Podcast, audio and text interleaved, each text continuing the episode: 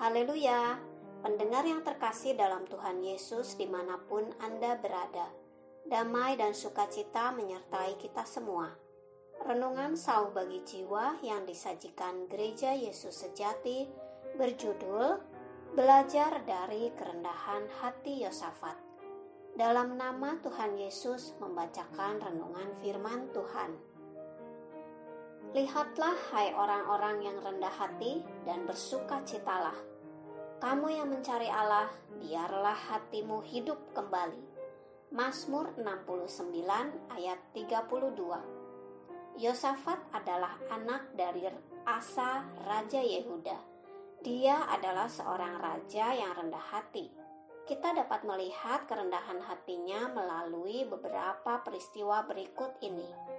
Pertama, Ketika Ahab, Raja Israel, mengajak Yosafat untuk merebut kembali Ramut Gilead dari tangan Raja negeri Aram.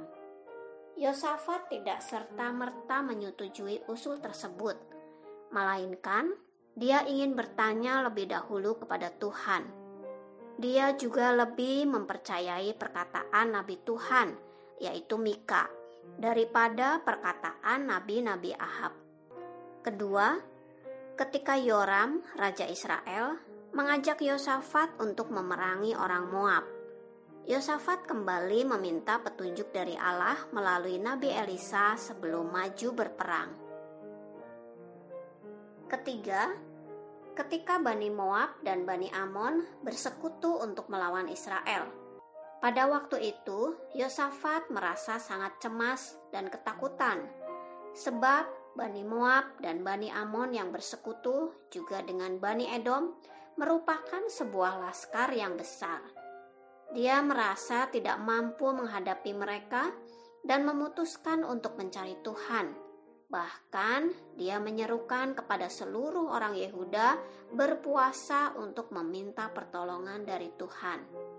Dalam doanya, dia mengakui kekuasaan, keperkasaan, dan kedaulatan Allah dan juga ketidakberdayaannya menghadapi laskar yang besar itu. Oleh karena itu, dia dan segenap orang Yehuda sangat mengandalkan pertolongan Tuhan. Walaupun Yosafat adalah seorang raja, tetapi dia mau merendahkan diri di hadapan Tuhan dan mencari petunjuk dari Tuhan.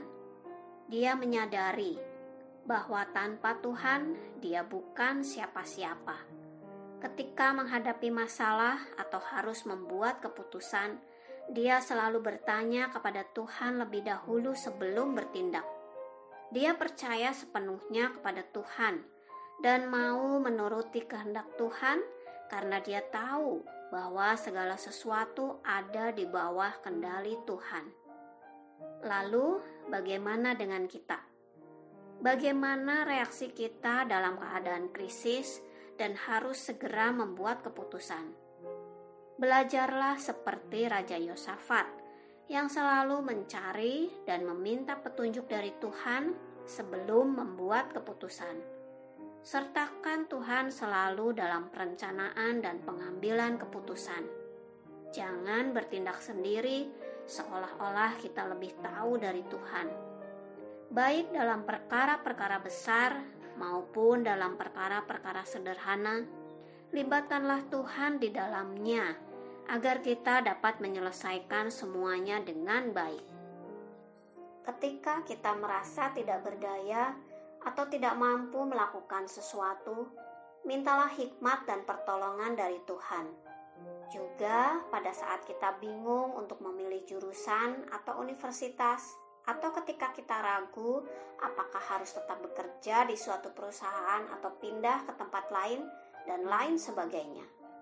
Bukan hanya untuk hal-hal sekuler, namun juga untuk hal-hal yang rohani, seperti saat akan melakukan pemilihan pengurus baru atau rencana untuk membeli tanah atau gedung baru.